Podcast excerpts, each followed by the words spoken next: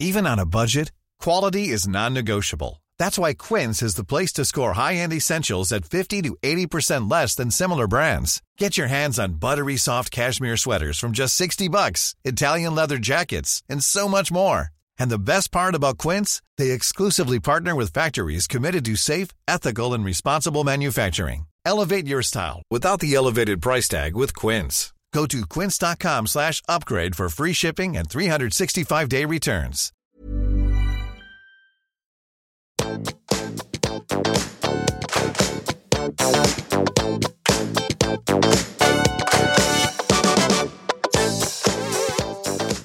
Hei alle sammen, og velkommen tilbake til podkasten med Elaine. Ukens episode Nord-Norge represent finally. Vi har med oss Trine Nilsen Noreide. Hun jobber som karriereveileder på det offentlige karrieresenter i Alta. Og her kan du jo selvfølgelig få gratis karriereveiledning om du er over 19 år. Ukens episode så får du høre om hennes karrierereise, bl.a. hvordan hun håndterte det å krasjlande, hvordan det har vært å ha en arbeiderklasseoppvekst i Finnmark og liksom bygge seg opp fra tomme hender, som hun sier, og til et arbeidsliv i dag som preges av koronapandemien. Og ikke minst hvordan den bakgrunnen som mange har i nord, som kan være med på å gjøre at man blir sabla kreativ og løsningsorientert. Det er egenskaper som kan være viktige i pandemien. Ukens hovedtema og det Trine brenner for, det er selvledelse. Så her får du masse nyttige tips og refleksjoner. Og så er det jo sånn at Trine er gift og mamma til tre voksne døtre og er sammen ekte tromsøværing. Mine venner, håper dere nyter episoden. God lytt.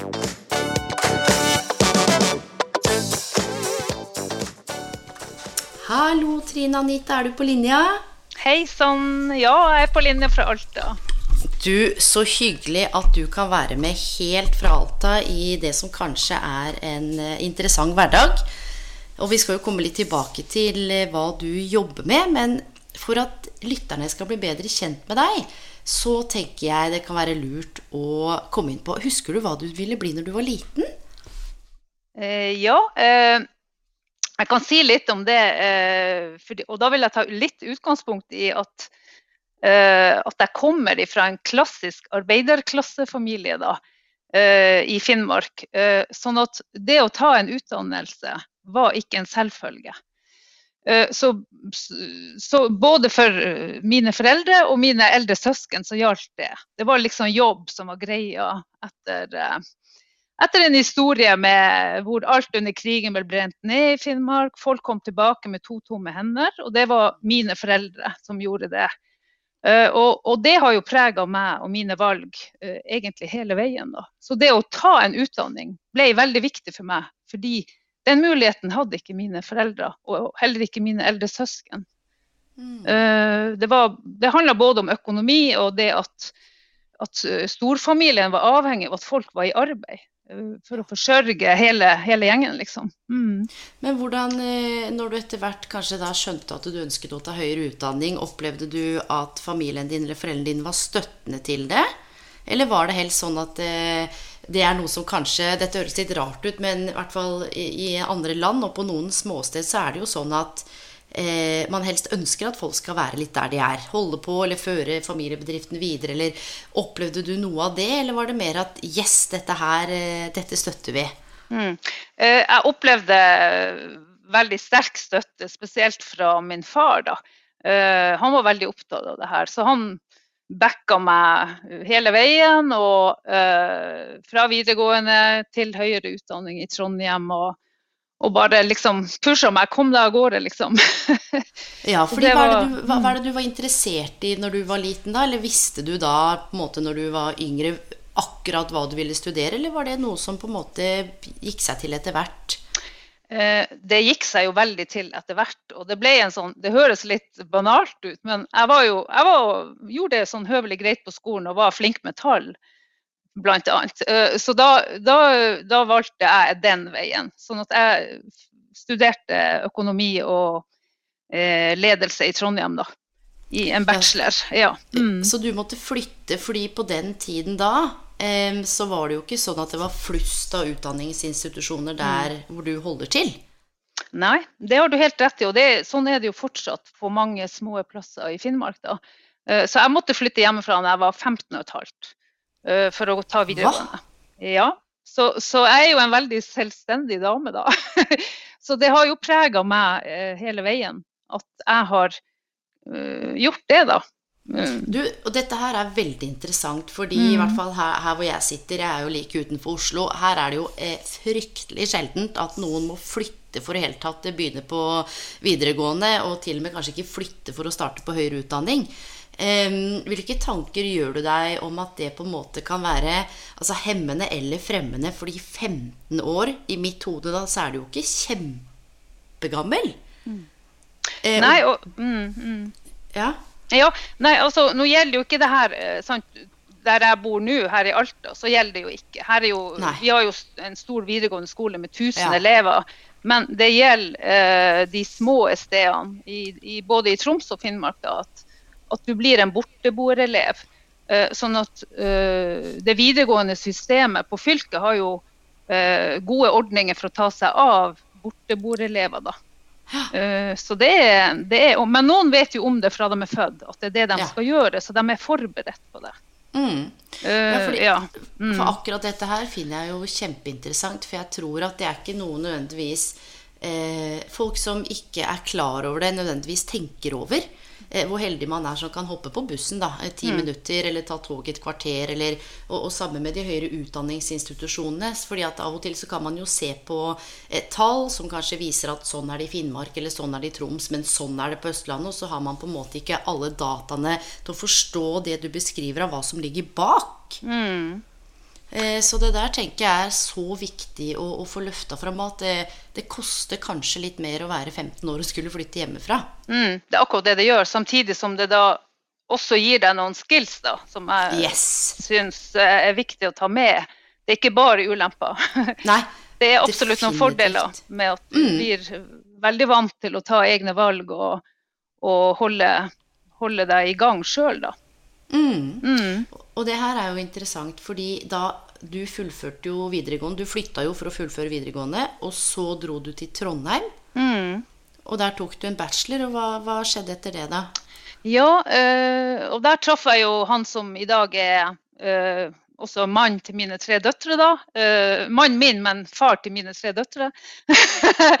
og, uh, og, vi uh, flytta i lag til, til Oslo, da. Så, eh, så vi eh, Jeg bodde ti år i Oslo og jobba eh, på ulike steder. Og jeg har tenkt i ettertid at den røde tråden for meg i arbeidslivet var organisasjonslivet og offentlige organisasjoner, aviser, som jo handla om mine verdier. Det var viktig for meg å jobbe på et sted som hadde en mening bak. Så min første jobb var i Norges Handikapforbund. Eh, som økonomikonsulent. Og det var en fantastisk eh, arbeidsplass å begynne på i Oslo. da. Mm. Eh, det var et fantastisk arbeidsmiljø, masse flotte, inkluderende folk. Og, og jeg lærte jo mye om hva det vil si å ikke være inkludert. I arbeidslivet f.eks. Gjennom de jeg traff der. Så det var en en viktig. Og så jobber jeg som sagt i Ny Tid, som er ukeavisa til eh, da var ukeavisa til SV. Og jeg jobber på partikontoret til Arbeiderpartiet, så det er noe politikk også baki her, da. ja. Som er viktig for meg. Ja. Men ble du boende i Oslo, eller for er, du er jo tilbake nå i Alta, sa du? Mm, ja. Uh, der kommer den ene store skillet i min karrierevei. da, At uh, det ble rett og slett et verdivalg, det å flytte nordover igjen. Eh, en prosess som gikk over en par år, hvor, jeg, hvor jeg også For det innbefatta jo både mannen min og våre to døtre som vi hadde da. Uh, men det var, det var, rett og slett et verdivalg. Vi ville ha en litt enklere hverdag. Uh, det var veldig Vi trivdes i Oslo, samtidig som hverdagen i Oslo er veldig krevende.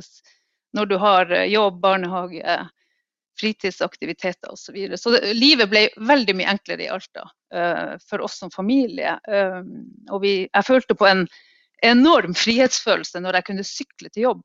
mm. Det var utrolig deilig.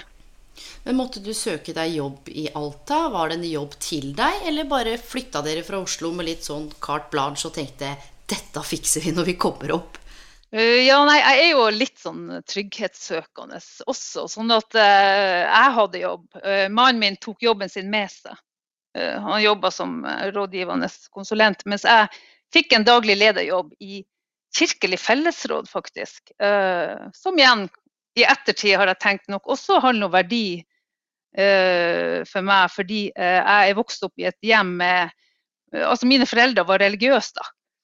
Selv om ikke jeg tok den videre, så, så kanskje der òg var en uh, så, så, det var min første jobb i Alta, uh, før jeg gikk over til universitetet og jobba der, da. Ja, hva jobba du med mm. der, da? Uh, der jobba jeg i fellesadministrasjon og, og tok imot studenter og behandla søknader, opptak osv. Så, videre. så Så det var, det var jo en lærerik jobb. Det som uh, skjedde i, uh, i denne tida. Da begynte jeg å komme i den 40 pluss-alderen. vet du. uh, da krasjlanda jeg litt. Så, så, det var jo òg en ny Der, der skjedde òg en stor endring for meg i arbeidslivet etter det. Mm. Mm. Jeg tror når du sier krasjlanda, så er jo det et ord som jeg tror mange kan knytte ulike assosiasjoner til. Eh, ikke sant? Gå på veggen, utbrent, eh, kanskje velge å gjøre noe annet. Her er det jo ganske mange sånn begreper og synonymer man kan hekte på. Og jeg tror veldig mange av de som hører på Akkurat noe av det du beskriver nå, fikk jeg faktisk en melding om for en eller to uker siden. Akkurat dette med å krasjlande og hvordan håndtere det, og hva gjør jeg mm. nå, og jeg skammer meg, og jeg føler meg utafor. Og det, det var en virkelig flott, men veldig lang mail, som også var et ønske om å lage en egen episode om på sikt å kunne løfte fram. Fordi vi vet jo at det eksisterer, men det er jo ikke så mange som snakker høyt om det. Mm. Nødvendigvis. Og hva, hva, hva, hva, kjente du på da? Det er litt sånn der teit sportsspørsmål. Når du kommer i mål, hva føler du nå? Men eh, kan, klarer du å liksom tenke tilbake på noe av det du kjente på da? For det gjør jo noe med deg både kanskje fysisk og psykisk i en periode, uten at man nødvendigvis um, hva skal jeg si, trenger å dette helt utenfor. Det kommer helt an på. Men hva, hva kjente mm. du på da? Uh, nei, det som du sier, det, det, kjen, det er en gedigen nederlagsfølelse, først og fremst. Altså tidlig i den perioden. Fordi uh, jeg var så vant å fikse alt. Altså, jeg, jeg, var, jeg er jo en duer også. Strategisk duer. Uh, og, og, og, og, det å da komme til et punkt hvor du ikke ikke kjenner at energien begynner å, å gå tom, da.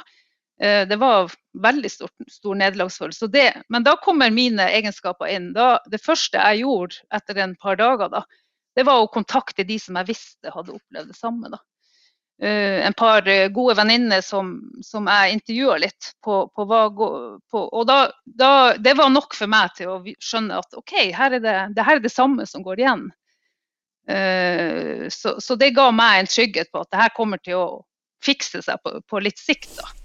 Mm. Eh, så, så, ja, så det var det første hva, jeg gjorde. Mm. Hva, er som, hva, er det som, gikk igjen da, når du på en måte intervjua de? Hvor er det du fant noen av de felles kjennetegnene?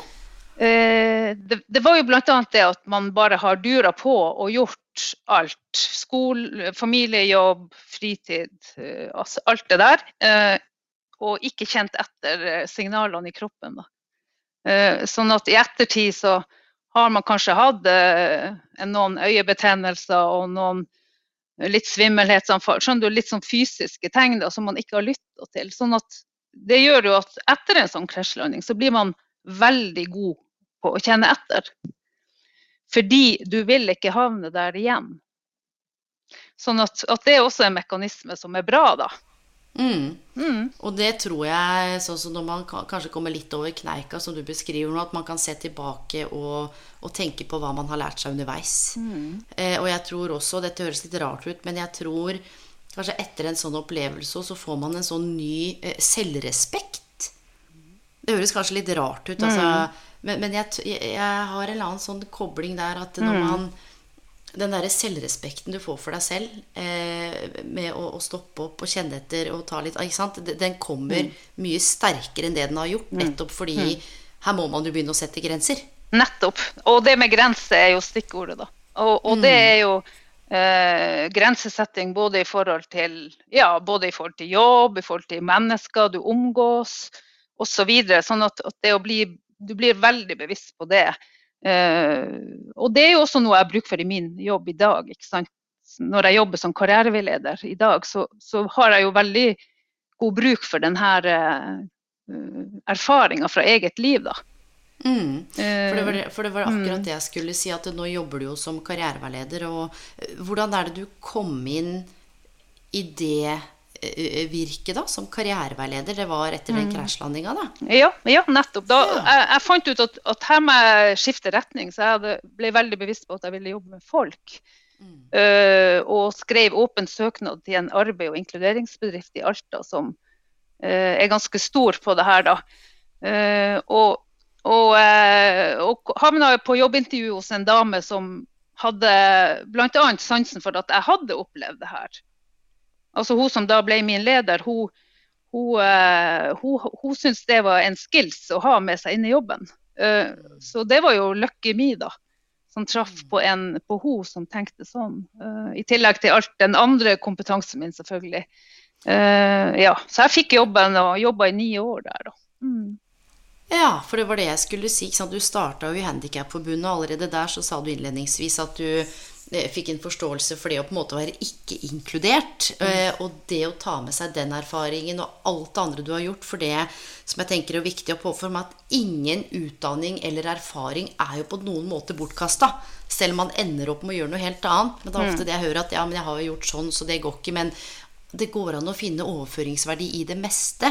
Mm. Og jeg snakket også med en Jeg hadde en karriereveileder som gjest i forrige episode, som også hadde opplevd å miste jobben og stå utenfor i tre år. Mm. Eh, og det gikk såpass lenge at han bl.a. endte på sosialen. og nå jobber han som jobbkonsulent og karriereveileder og sier at det er en av de tingene som, i tillegg til alt annet, da, som virkelig skaper Er med på å skape den gode, trygge relasjonen at man sitter med sånn unik innsikt i det du beskriver, eh, hvor det ikke handler om nødvendigvis Ja, jeg veit åssen du har det, for det er jo ikke det. Men ingen av oss som jobber som karriereveileder, er noen form for overmennesker. Nei, overhodet ikke.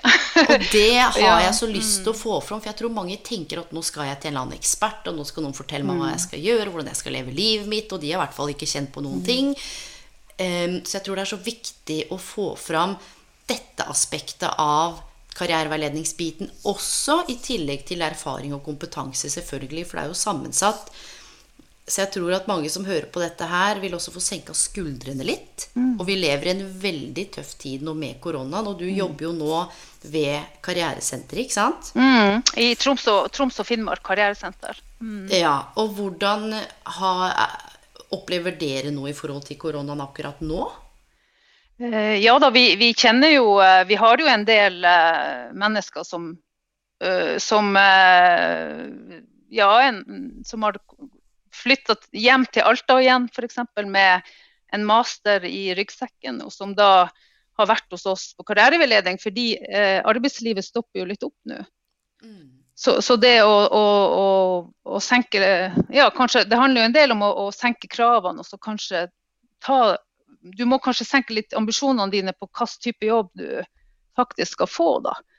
Så jeg tenker eh, at, at jeg er veldig, vi er veldig opptatt av de unge voksne som nå er i denne koronasituasjonen i forhold til arbeidslivet. Det er en ganske heftig situasjon å være i, fordi du, du har tatt en, en høy utdanning som du og så havner du i en jobbsøkerprosess eh, som pga. koronaen stopper eh, veien videre. Da. Det er tøffe ting å ha med seg mm. og oppleve. Mm. Og så tror jeg, her må du bare korrigere meg, at det er noen forskjeller fra, fra Østlandet, da, hvor det er en god del flere arbeidsgivere og igjen en god del flere utdanningsinstitusjoner. Eh, og nå skal ikke jeg si at her er det lettere eller vanskeligere å få seg jobb, men eh, det er jo noe med at det er kanskje litt flere valgmuligheter her enn en oppe hos dere, ikke sant? Og, det, og, det kan, mm, mm. og, det, tenker jeg er også viktig å ha i bakhodet at det her Ja, det er koronaen, men før koronaen nå så var det jo eh, Det var ganske mye ledige stillinger ute som jeg var og titta på. Og så tenker jeg at eh, du gikk fra der du jobbet, og så starta du nå på å jobbe på, på Karrieresenteret. Og der tilbyr dere gratis karriereveiledning til alle over 19 år. Mm. I hele. Troms og Finnmark? Ja, og det er jo en nasjonal greie. Eh, det finnes jo i hele landet, det her. Eh, så det, det er klart, vi, vi, er, vi, er, til for å brukes spesielt nå i denne koronasituasjonen, hvor, du, hvor det å søke jobb, og spesielt som ung voksen, da, hvor du kanskje skal søke din første jobb, uh, så blir verden veldig uoversiktlig. Mm. Og, og, og, å, og, de valgene du tar, blir, blir litt uh, altså de, de, blir litt vanskeligere å ta. sånn at, at, det å ha en nøytral samtalepartner, som jo vi er da, på karrieresenteret, det kan være til god hjelp i, en, mm. i denne tida, tenker jeg. Men Opplever du at mange der oppe vet at dere fins, eller at det er lav terskel for å ta kontakt? Eller er det sånn at man må liksom ut og hanke inn mm. folk og si 'hallo, mm. her er vi'? Ja, vi, vi har en eh, vi, Du kan si halvparten av de som kommer til oss, er jo tipsa via Nav da, uh, ja. om at vi finnes, og at de da sjøl bestiller time her. Og så går det jo på venner og bekjente, da. Ja. Uh, og så har du jo nettside. Nettside. Vi er jo i sosiale medier. Og hver gang vi er ute og informerer våre samarbeidspartnere om, oss, om jobben vår, så kommer det alltid eh, ja. nye veisøkere. da. Mm. Som vi kaller det for. Mm. Ja, fordi den, den, eh, i utgangspunktet så kan jo hvem som helst over 19 komme, ikke sant? Så det er alt fra unge voksne til eldre til ja, egentlig hele pakka. Ja, absolutt. Og jeg har hatt ja, altså voksne som vil bytte jobb, og kanskje også bytte retning, sånn som jeg sjøl har opplevd å gjøre. Det, det har vi òg en god del av. Mm. Eh, også pga. koronaen. Fordi folk eh, Ja, det blir omstillinger. Det blir Noen arbeidsplasser blir jo faktisk eh, nedlagt. ikke sant? Mm. Så, så, vi Det er mye som skjer akkurat nå. Så jeg tenker at, at vi er et viktig verktøy. Og det, det sier jo Kompetanse Norge òg, som er vår eh, paraplyorganisasjon. Mm. Ja. Mm. Og det her tenker jeg bringer oss over til det hovedtemaet for episoden som du er over snittet opptatt av, og det er jo bl.a. selvledelse. Hva er det som gjør at det er noe som opptar deg såpass mye i den rollen her eh, som karriereveileder? Uh, ja, det er, altså, det er, jo først og fremst det, uh, det der helt grunnleggende uh, om at jeg har tro på at uh, alle har i seg det de trenger for å komme seg videre i livet, hvis du er kommet litt ut av det i forhold til skole og jobb f.eks. Uh, og at, at, det å fokusere på her og nå og fremover er, er, kjempeviktig. Og det, det, med å begynne å se litt innover i deg sjøl først. Hvem er jeg? Uh, hva er viktig for meg? Hvilke verdier er det viktig for meg? Og, og, og hva, hva skal, altså, sette seg mål, da det å, å, tørre å drømme litt og sette seg mål, uh, og så kjenne på den drivkrafta det er. Uh, så det å bli bevisst de her tingene er jo en viktig karriereveiledningsprosess, både individuelt og i gruppe. da. Mm. Ja, og jeg tenker at det veldig ofte så tenker vi, eller jeg kan bare snakke for meg, at folk på en måte vet om disse tingene. Eh, og det gjør de jo også, men det er noe med det når du får et nøytralt menneske som stiller deg de gode, åpne spørsmålene som du kan få reflektere sammen med, at du får litt den der perspektivbelysningen og kanskje åpner seg nye muligheter du ikke hadde sett. da. Mm. Nettopp ved å øke den innsikten og, og, ja, og få mer selvinnsikt. Men eh, er det, hva er det du ser på da? Er det, er det verdier? Er det egenskaper? Hvordan er det du på en måte tenker rundt det å sette seg mål? For det er jo mange som ikke vet hva de vil også. Ja, absolutt. Og da, da starter vi jo gjerne med en uh vi, vi, har jo en del verktøy som handler om interessekartlegging og, og det å faktisk snakke litt om hvilke verdier er viktig for deg. Uh, jeg bruker å ta En klassisk eksempel er jo at, at uh, hvis du er veldig opptatt av miljøsaken, så er kanskje det å begynne i oppdrettsbransjen vanskelig for deg. Altså sånn, det er jo et klassisk eksempel. Uh, så, så, men jeg har jo jobba mye med selvledelse i gruppe. og der er det jo egne øvelser vi gjør for å uh, få lov å kjenne på det her. Altså det å gå fra ord til handling osv. Det å begynne å gjøre er jo nøkkelen uh, både i, ja, i de her prosessene, da. Ja, og det tenker jeg er så viktig, fordi det jeg opplever ofte, er at mange sitter og, og, og tenker og bruker veldig mye tid oppi sitt eget hode. Eh, og det er jo ikke så lett alltid å få kartlagt og sortert alt uh, alene. Men det andre handler jo også om, som du sier, at det er jo ofte når man begynner å gjøre, at mm. prosessen på en måte skyter fart. Mm. Eh, og så tenker jeg samtidig, for vi snakker jo om nå at du sitter oppe i Alta, dette ikke kravet til mobilitet, men her er det mange som ønsker seg en jobb rett utafor døra si. Mm. Eh, og så tenker jeg, hvor enkelt er det å ønske seg en jobb rett utafor døra si, der hvor dere holder til? For det er jo ganske mye større avstander. Mm. Innebærer da hvor til at jeg må eh, sette meg i bilen? Og hva hvis jeg har barn? Altså Opplever dere sånne Jeg vil ikke si begrensning, men opplever dere også sånne, sånne ting, da? Ja, eh, det, det, går, det er en gjenganger i, i våre karriereveiledningssamtaler at, at uh, altså jeg, må, jeg, spør jo alltid uh, ser du for deg at det her skal skje i Alta, eller er du mobil? Uh, og hvis du ser for deg at det må skje i Alta fordi du har barn her, eller du er ung voksen og vil ta et fagbrev, det må skje i Alta, så, så begrenser jo valgene seg. Mm. Uh, og vi har jo en campus på universitet, altså vi har universitet i Alta, sånn at vi har jo en del studietilbud. Men da begrenser det absolutt valget ditt. Og det, bare det å bli bevisst på det, da. Mm. Uh, og stille de spørsmålene rundt det her som gjør at folk sjøl ser det her, da. Mm. Ja, og som du sier, eller som, så, altså hvis man er alenemor, eller ikke sant, Da er du jo avhengig av nettverk, da, hvis du skal ut av Alta. Nettopp. Du kan gjerne dra på en samlingsbasert studie, men du er absolutt uh, avhengig av nettverk for å kunne dra på den samlinga. Mm. Uh, så det er klart det, det, gjør det vanskeligere her enn det vil gjøre det i, i storbyen. Mm. Og, og, det tenk, mm. Ja, og det tenker jeg man har lov til å, å si noen ting om. For det er, det er, noen forskjeller, som vi var inne på, både litt med den historien som Alta har. Men i og med, da, litt sånn som du sa, at eh, man, man, kom tommen tilbake, ikke sant. Eh, tenker du at folket i Alta Altså at man har fått noen skills, eller at det er noe som Noe positivt ved det at man har på en måte jobba for å bygge ting opp igjen? Ja, det er et veldig godt spørsmål, eh, akkurat det der, Elaine. Eh, fordi jeg er opptatt av at jeg tror det her har forma identiteten til i hvert fall oss fra Finnmark. Eh, spesielt det at, at man kom tilbake med to tomme hender. Man måtte ordne ting sjøl, man måtte bygge opp. Det er mye entreprenørskap i Finnmark. Det, folk er veldig gode på å tåle motstand her. Uh, og veldig sånn OK, sånn er rammen rundt her. OK, da må vi forholde oss til det. Så jeg tror vi er, vi er ganske gode på å realitetsorientere oss sjøl, og at det i høyeste grad har gitt noen skills, ja. Mm. Det tenker du at, at, de skillsa, på hvilken måte er det overførbart til dette med å ta karrierevalg, da, f.eks.?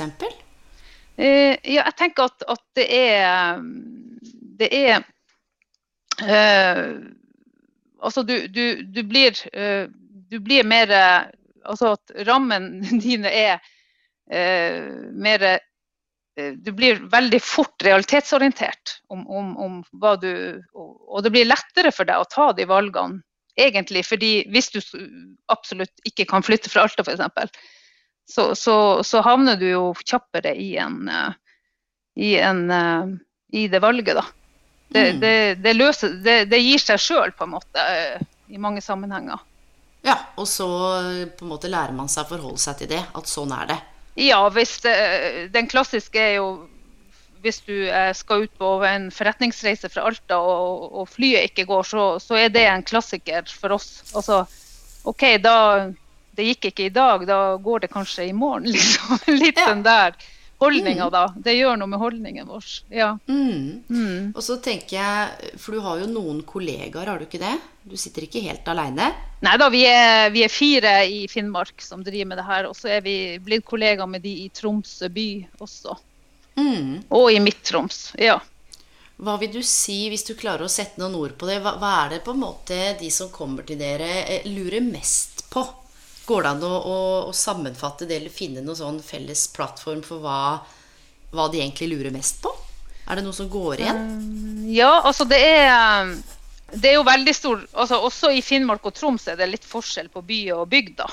Mm. For å si det sånn. Uh, uh, sånn at uh, Men veldig mye i Finnmark handler jo om at hvis du at Her er jo enorme naturressurser, f.eks.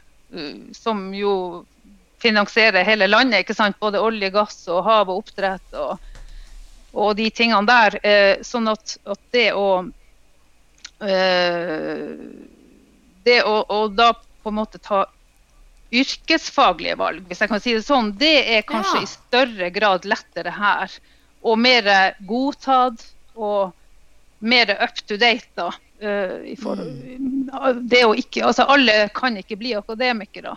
Den realitetsorienteringa der er ganske sterk her. Og spesielt i Alta by er den sterk. Her har vi en enorm stor entreprenørskapsbransje som, hvor det er helt vanlig at barna begynner å jobbe når de er 16-17. Og kanskje tar de et fagbrev, men det er ikke nødvendigvis det heller. De går rett i arbeid. Og så det er jo også en kultur, da. Ja, eh, i, definitivt. I, deler av Alta, da. I, i eh, mm. maskin- og entreprenørskapsbransjen som er mm. Mm. For det her er litt interessant, for ofte så opplever jeg at man sier sånn eh, Og dette gjelder jo liksom psykisk helse. Og ja, men man må spørre om hjelp. ikke sant? Man må ikke være redd for å be om hjelp. Og det jeg opplever gjennom å jobbe som karriereveileder i ni år, at det er ikke bare bare å spørre om hjelp. I mm. hvert fall hvis man ikke egentlig veit hva man trenger hjelp til. Eh, så jeg kan mm. skjønne at den dørstokkmila er ganske høy hvis mange føler at og her må jeg komme med et problem, eller her må jeg komme med en utfordring. Eh, jeg må, jeg må spørre om jeg kan få hjelp til CV, for at det da er jeg klar Men det er så mange som ikke egentlig for sin egen del helt har klart å sette ord på hva det er som lugger litt. Mm. Ja, eh, har, mm, mm. Og, og, vi snakket jo bitte, bitte litt sammen i, i, forkant, og da nevnte du noe med at det er nok å bare kanskje vite at man ønsker en endring. Kan ikke du si litt om det? Ja, det, det kan jeg si litt om. Eh, det, og, og, og det er nok til å komme til karriereveiledning hos oss, f.eks. Det at du, du, bare vet at du, du, trenger en endring i livet ditt. Du behøver ikke å vite hva den skal være, eller eh, hva målet ditt er det, er. det er det vi kan hjelpe deg med. Vi kan stille de gode spørsmålene. Eh, min viktigste jobb er å stille gode spørsmål, gode åpne spørsmål. Og så kan folk sjøl komme frem til eh, det som er best for dem. Så sånn vi er jo veldig opptatt av det i karriereveiledningsbiten. Og også i de, de selvledelseskursene jeg kjørte hos min forrige arbeidsgiver, så var det helt grunnleggende. Det der med å å bare ta med deg sjøl og, og, vite at du vil ha en endring, det er nok. Mm. Mm. Og, og, det tenker jeg er så viktig å få fram. At det både er altså, gratis karriereveiledning, og man trenger ikke ha noen ting på stell. Man, man, trenger bare å kjenne at oh, det er et eller annet innenfor rammen av eh, karriere, jobb, utdanning, arbeidsmarked eh, eh, som, som, surrer og går, og jeg aner ikke hvilken ende jeg skal begynne i, men jeg kan allikevel komme til noen som møter meg med respekt og likeverd og empati, som bare lytter og stiller de gode spørsmålene, og så vil antageligvis veien eh, åpne seg etter ja. hvert. Absolutt. Og det, det, er jo det Sånn fysisk så kan jo folk komme inn døra litt sånn nedpå og ikke helt vite veien videre. Men etter en times samtale med gode spørsmål og, og det å begynne å, å, tenke, bli bevisst på seg sjøl, så ser du nesten den fysiske endringa når de går ut døra. Uh, og, og, man har avtalt uh, samtale nummer to, og man skal ut og gjøre. Man skal ta en telefon, man skal begynne å ta en kontakt med en arbeidsgiver eller med voksenopplæringa eller hva det måtte være. Så bare det det er, veldig, det er lite som skal til ofte. Det er min erfaring. Mm. Ja, og, og, så er det noe med at jeg gjorde en undersøkelse dette veldig lenge siden. og Da spurte jeg folk eh, hva er egentlig karriereveiledning. Og det som gikk igjen flest ganger, og det var jo 110 respondenter, dette var ikke noe sånn voldsom undersøkelse, men det som gikk igjen, det var eh, noen skal hjelpe meg med CV, noen skal hjelpe meg med søknad, noen skal fortelle meg hva jeg skal jobbe med, eller noen skal fortelle meg hva jeg skal studere. Men det er jo ikke det vi driver med. Det og det er jo kanskje eh, her mm, selvledelse, som du på en måte eh, beskriver som litt av kjernen i dette arbeidet, også kommer inn. Hvilke andre tanker gjør du deg om hvorfor selvledelse er, er så viktig da? Eh, ja, det er jo nettopp det at eh, jeg vet jo ikke. Jeg er ikke noen ekspert som vet hva folk skal bli her i livet. Jeg vet ikke hva som er viktig for dem. Eh, for det, det, men det vet de sjøl hvis de bare får de rette spørsmålene. Sånn at det å se på en karriereveiledningsrunde som en prosess, da, som kanskje går over to-tre uker, hvor, hvor det å, å og bli stilt de spørsmålene nettopp er det som gjør at du, du kjenner litt hvem er jeg, hva er viktig, hvilke verdier er viktig, hvorfor vil jeg det her, og hva må jeg gjøre for å komme dit. Og at vi er der som en støttespiller. Eh, vi, vi gjør ingenting.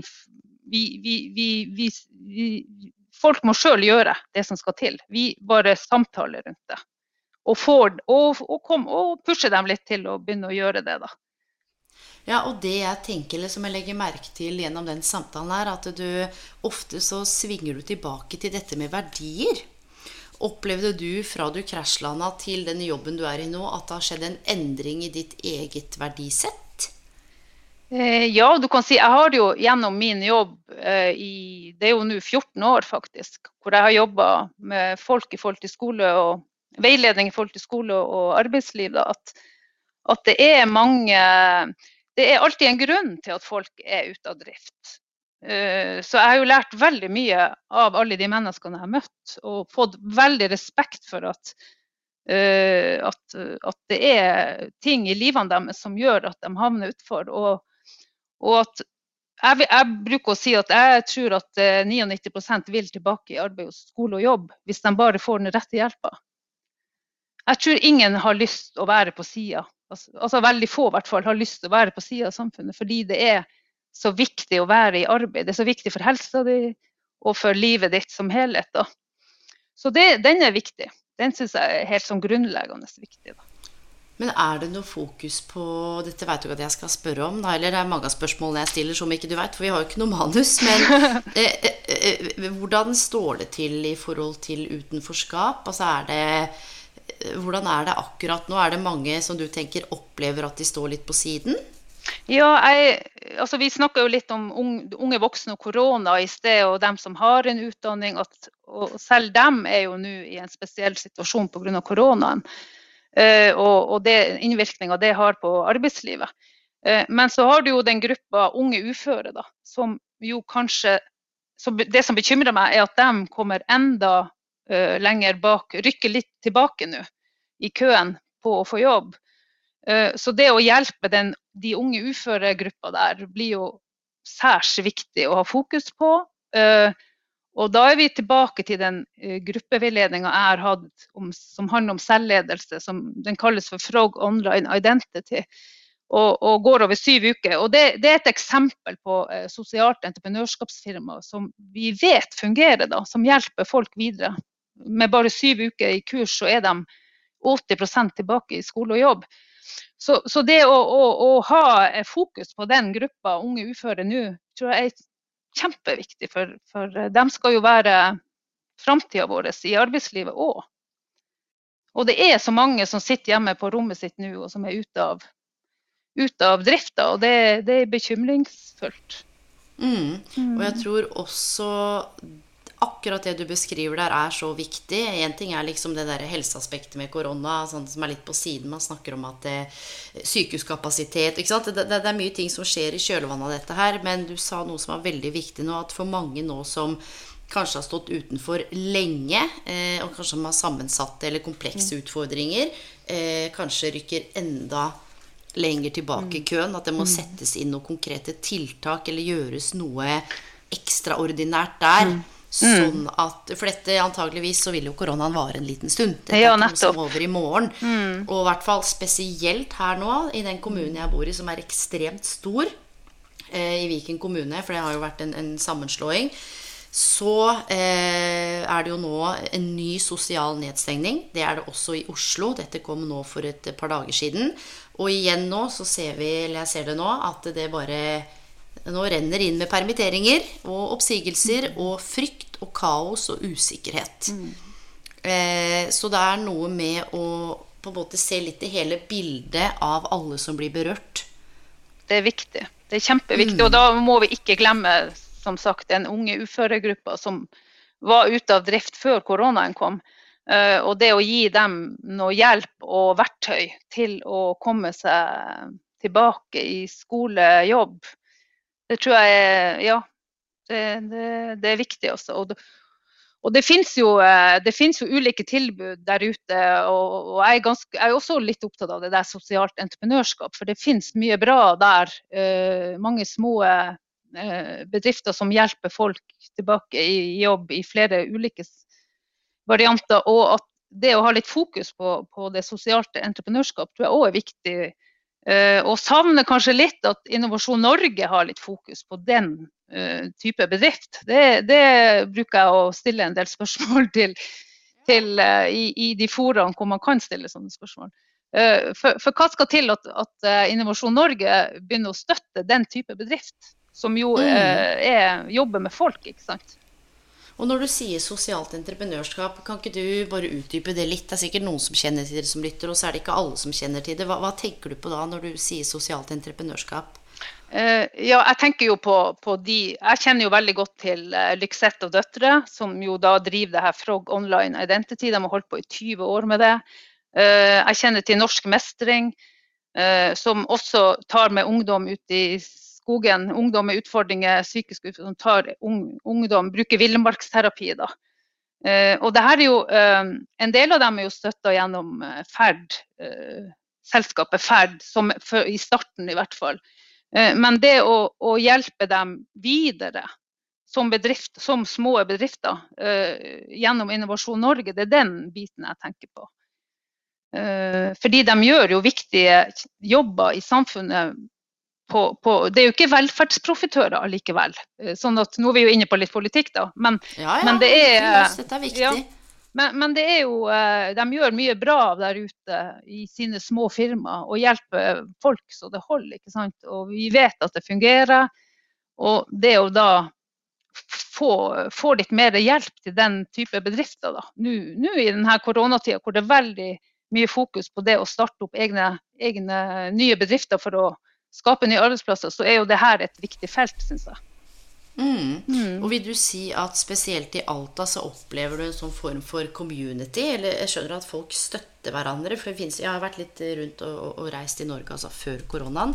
Eh, hvor det er noen lokalsamfunn hvor man virkelig støtter hverandre og rekker ut en hånd. Og så er det andre lokalsamfunn hvor det egentlig er sånn alle, alle er sin egen herre, så her må du klare deg sjøl.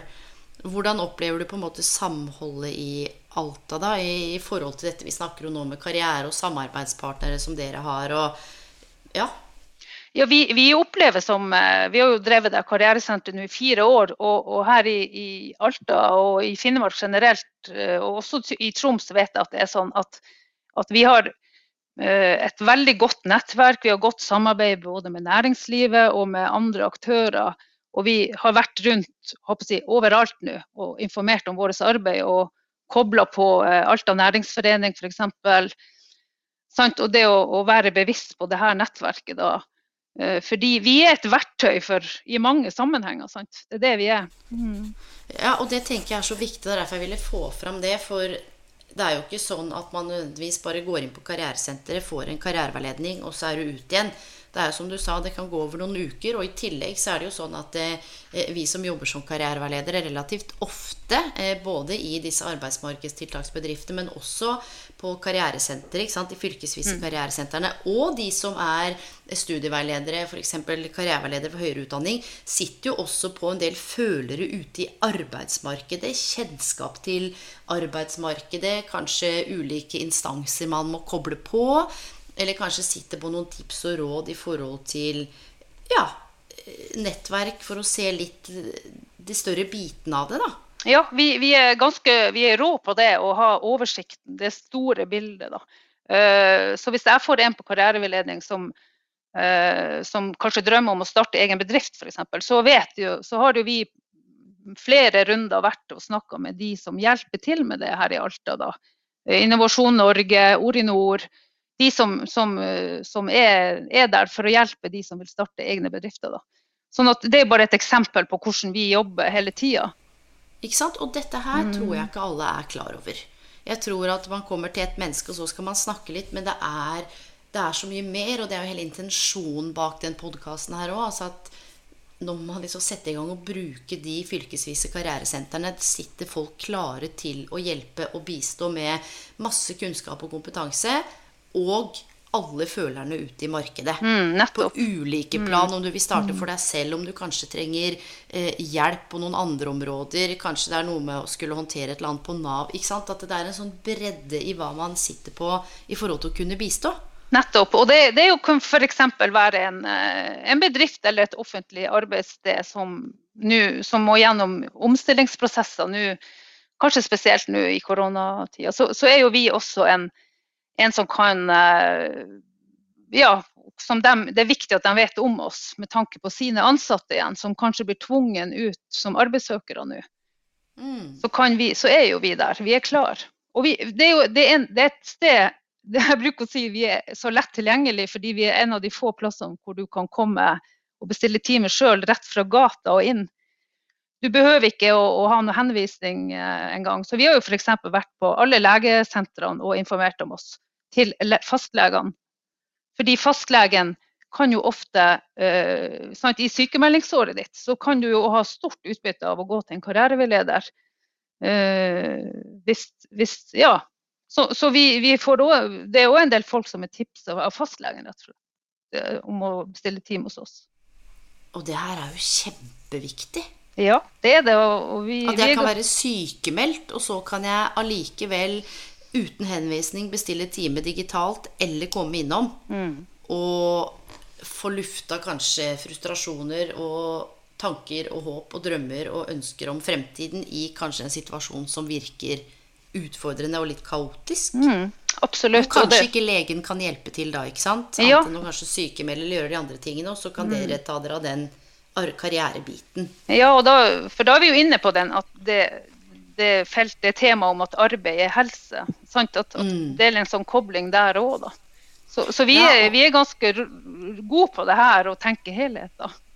Ja, og, og, det handler jo ikke bare om å snakke med deg for å finne en jobb vi vet jo det at nå dette begrepet karriere er jo blitt ganske, ganske vidt begrep. Mm.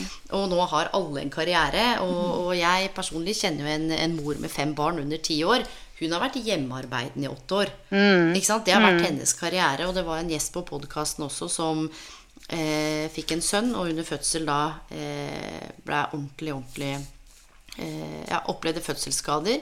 Så hennes karriere blei jo å pleie han i 15 år. Nettopp. Og, og Ikke sant? Så, så, så, det er mm. ikke bare det å gå på jobb, klokke inn, hente ut pengene sine og gå hjem. Karriere kan jo være også å ta seg av sine syke foreldre, det kan være å jobbe frivillig. Det er ganske mye som mm. innebefatter det. det, det, det. Samtidig mm. som mm. kanskje karriereveiledning er jo ikke det samme som å gå til en, en psykolog. Ikke sant? Det er jo et litt sånn avgrensa mandat man kanskje har også. Ja, vi, vi er veldig veldig bevisst på å, fokus, å si at det, våre samtaler handler om skole og jobb. og at det, er, der, det, vi, det er alltid det som er kjernen. Eh, men selvfølgelig Det berører andre områder i livet. Absolutt, det er det det gjør. Mm. Sånn at, eh, at, eh, at det, er jo, det, er jo, ikke til å unngå, da. Så. Det virkelig Det her er så spennende. Og så tenker jeg sånn at nå har vi snart snakka i 45 minutter. Her bare Her fyker refleksjonen, og så lurer jeg på igjen litt tilbake til dette hovedtemaet med selvledelse. Du har vært inne på bl.a. at du har holdt kurs, og litt sånn i forhold til hva dere snakker om. Men er det noe du kan sette ord på som du opplever på en måte er det mest utslagsgivende når det kommer til dette med selvledelse? Er det å få kartlagt verdiene? Er det å få skjønt hva, hvilke egenskaper man har? Altså hva, mm. hva, på en måte tenker du er noe av det viktigste, spesielt for lytterne, da, som de kan reflektere over i forhold til når vi snakker om selvledelse, som egentlig er et litt sånn stort øh, og litt sånn utenomjordisk begrep noen ganger. Mm. Liksom trek, trekke det ned, da. Hva er det viktigste du tenker at det handler om for de som hører på nå? Eh, jeg tenker at, at eh, det å Da vil jeg dra frem det å tørre å drømme litt. Fordi det er litt skummelt å drømme, og spesielt å si de drømmene dine høyt.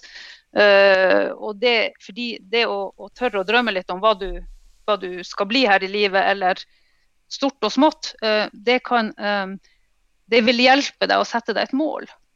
som igjen kan gi deg den drivkrafta du trenger for å f.eks. ta generell studiekompetanse først. Eller de, sant, at, at, det ligger mye drivkraft i det å sette seg mål. Da. Og, det, og da må man begynne med å drømme, kanskje. fordi det har vi, er vi ikke så gode på å gjøre det i hverdagslivet, i hvert fall. Uh, hvorfor, hvorfor, er vi ikke så gode på det? Ja? Er det pga. at Er det noe med fallhøyden der og dette med mestringstro og forventning, eller handler det om at man ser begrensningene? Hva, hva Hva er det som gjør at vi ikke drømmer så masse?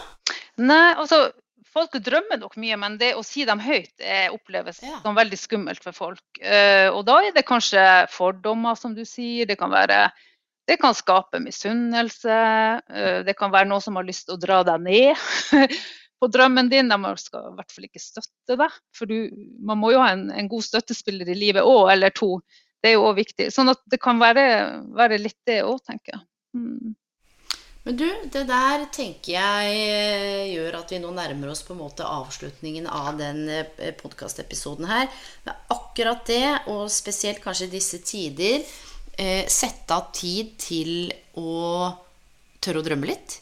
Om det så er å gå seg en tur, eh, joggetur, eh, god kopp te eller kopp kaffe, ta fram penn og papir, telefonen din, eh, PC-en din, og bare tenke, egentlig. Men hvis man skal drømme litt, hvilke spørsmål er det man kan stille seg selv da?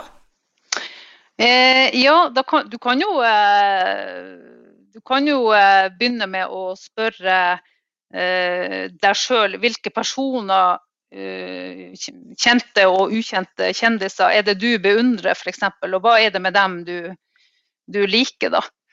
Altså, Ja. Å begynne der, det er jo en, en eh, Og hvis de har fått det til, hvorfor skal ikke jeg få det til? Altså, litt den der uh, ja, stjernekampånd som jo som jo, som jo kan uh, Altså, vi har hatt eh, flere deltakere fra Finnmark på Stjernekamp f.eks., og, og de har jo vunnet to av dem, og ei ble nummer to. sånn at Mm. det er jo noe med å, å, å, å se at, at eh, det er mulig for alle, da. Uansett hvor du Mm. bor, uansett hvilken bakgrunn du har, så er veldig mye eh, avhengig av hva, hva du sjøl begynner å gjøre og de valgene du tar, da. Ja, og det der syns jeg var et fint utgangspunkt. For det er ikke alltid like lett å begynne med seg sjøl, men det å kanskje kunne se litt utover da og tenke hvilke forbilder eller rollemodeller har jeg? Hvilke egenskaper har de? Kanskje eh, hva slags tankesett eller hva slags type mentalitet eller holdninger er det man kan finne igjen, da? Mm. For eksempel. Det kan være et sted å begynne. Ja. Ja. Du, så fint, Tone. Um, avslutningsvis, hva har du noen sånn siste Jeg er ikke så glad i dette at vi skal gi folk råd, nettopp fordi at vi er jo ikke eksperter på hvordan folk skal leve livene sine. Så, men har du noen sånn siste karriererefleksjoner som du har lyst til at folk skal ta med seg videre, eller noe som du kjenner at du brenner inne med, som du bare har virkelig lyst til å dele før vi gir oss? Eh, ja? Ja, jeg kan, jeg kan avslutte med å si at, eh, at det er viktig å huske på at vi har alltid et valg. Sånn at, og det å vite at vi har alltid et valg, vi tror ofte at vi må gjøre så mye, men vi må ikke det. Vi har alltid et valg, og det, den bevisstheten kan gi deg en enorm frihetsfølelse. Mm. Så det synes jeg, den syns jeg er litt fin, da. Nå, ja, nå tenker jeg Ja, den, den var fin. Og så er den litt Ikke utfordrende, men det er litt rart å skulle tenke sånn. Fordi jeg ofte opplever at eh, det er et gap noen ganger med de jeg jobber med, mellom opplevde valg og faktiske valg. Og samtidig som du beskriver, så er det jo akkurat sånn at vi har jo alle valg, og det er jo det egentlig livet koker ned til. Det er jo det. det vi tar jo enormt mange valg i løpet av en dag. ikke sant? Mm. Vi, vi gjør det hele tida, bevisst og ubevisst. da. Mm. Mm. Nydelig. Tusen takk for at du satte av tid til å være gjest. Kjenner jeg er Jeg føler meg glad og inspirert. Og så fantastisk heldig folket oppe i nord her som har deg. Takk for det. Det var hyggelig sagt. Så sitter, ja, men så menneskelig og bare nedpå ikke noe sånn der kongstanker om verken eh, deg sjøl eller kar. Altså det er, eh, det er så folkelig. Det, det gjør meg så glad. Takk for det, og takk for at jeg fikk være gjest hos deg. Det var veldig hyggelig og inspirerende. Du, så fint. Og det er klart vi skal representere Nord-Norge. Ikke sant? Det er, det er viktig, altså. Så tusen takk. Og vi Kanskje vi snakkes, da? Eller Ja, hvem vet? Hvem vet? Ha det godt. Ha det godt.